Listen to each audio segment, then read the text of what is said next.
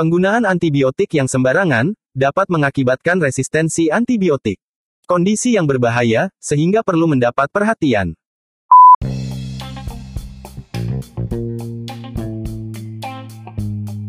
Halo, selamat datang di podcastnya Dokter Gigi Gaul.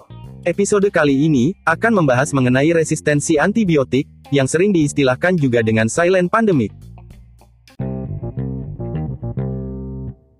Antibiotik adalah obat yang diciptakan untuk mengobati penyakit akibat infeksi bakteri.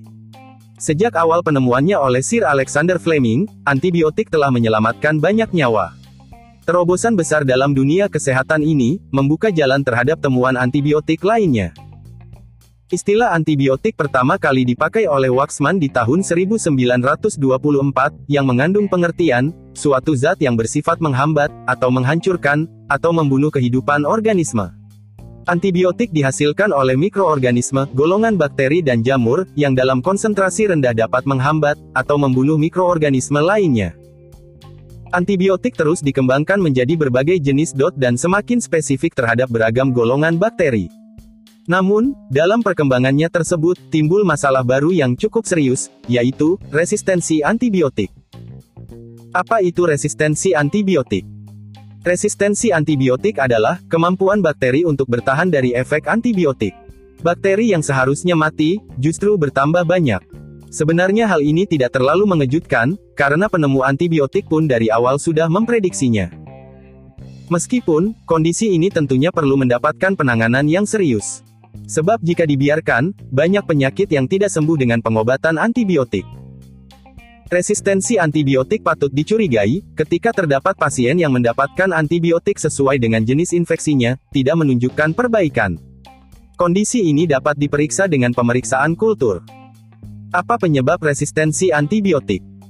Pandangan masyarakat bahwa antibiotik adalah obat yang superior membuat pembelian dan konsumsi antibiotik semakin tidak terkendali. Banyak oknum tidak bertanggung jawab menjual antibiotik secara bebas. Oleh karena itu, akses dapat dengan mudah didapat masyarakat terhadap obat yang seharusnya hanya diperoleh dengan resep ini. Akibatnya timbul kondisi resistensi antibiotik. Lalu, bagaimana resistensi antibiotik dapat terjadi? Berikut beberapa penyebabnya. Penggunaan antibiotik secara berlebihan atau overuse, maupun penggunaan yang tidak tepat atau misuse. Salah satu penyebab resistensi antibiotik adalah konsumsi antibiotik sembarangan dengan dosis yang tidak sesuai. Saat Anda konsumsi antibiotik tanpa resep, bakteri yang sensitif, serta bakteri yang memang secara normal ada dalam tubuh atau flora normal, akan terbunuh. Sementara, bakteri yang resisten akan terus bertambah banyak jumlahnya. Bakteri yang kebal ini juga akan mengalami perubahan struktur genetik untuk menghadapi antibiotik berikutnya. Akibatnya, bakteri tersebut akan semakin kuat dan kebal. Penggunaan antibiotik dengan durasi yang tidak tepat. Selain penggunaan yang asal-asalan, konsumsi antibiotik dengan durasi yang tidak tepat pun akan menjadi penyebab resistensi antibiotik. Agar bakteri dalam tubuh hilang dari dalam tubuh, antibiotik memerlukan waktu hingga beberapa saat untuk bekerja. Namun, tidak jarang pasien menghentikan konsumsi antibiotik sebelum habis. Alasannya, beberapa dari mereka telah merasa baikan dalam waktu singkat. Padahal, tindakan ini dapat menyebabkan bakteri kebal terhadap antibiotik. Penggunaan antibiotik pada hewan-hewan ternak.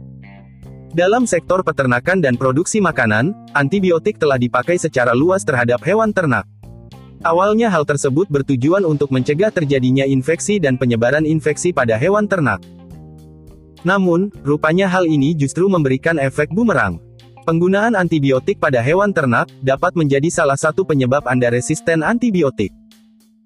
Hal ini dikarenakan kuman yang kebal terhadap antibiotik pada akhirnya tetap bertahan dalam daging hewan tersebut, yang kemudian diteruskan ke tubuh manusia saat mengonsumsinya.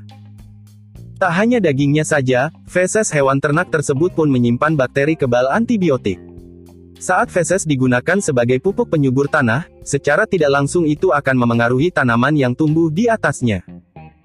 Penularan melalui manusia. Selain beberapa penyebab resistensi antibiotik di atas, salah satu penyebab lain adalah penularan lewat manusia. Hal ini dapat terjadi apabila terdapat kuman yang kebal terhadap antibiotik di dalam tubuh seseorang. Apabila orang tersebut tengah berbicara, bersalaman, bersin, ataupun batuk, maka kuman yang kebal terhadap antibiotik pun berpotensi ikut berpindah. Dampak dari resistensi antibiotik memang cukup mengkhawatirkan. Resistensi antibiotik ini disebut sebagai masalah kesehatan global, termasuk di Indonesia. Tidak seperti obat lain, penggunaan antibiotik memiliki konsekuensi yang lebih luas. Ketika seseorang menyalahgunakan antibiotik, hal tersebut turut membantu terciptanya kuman yang kebal, dengan kemungkinan menyebabkan infeksi baru dan sulit diobati baik pada diri sendiri maupun orang di sekitarnya.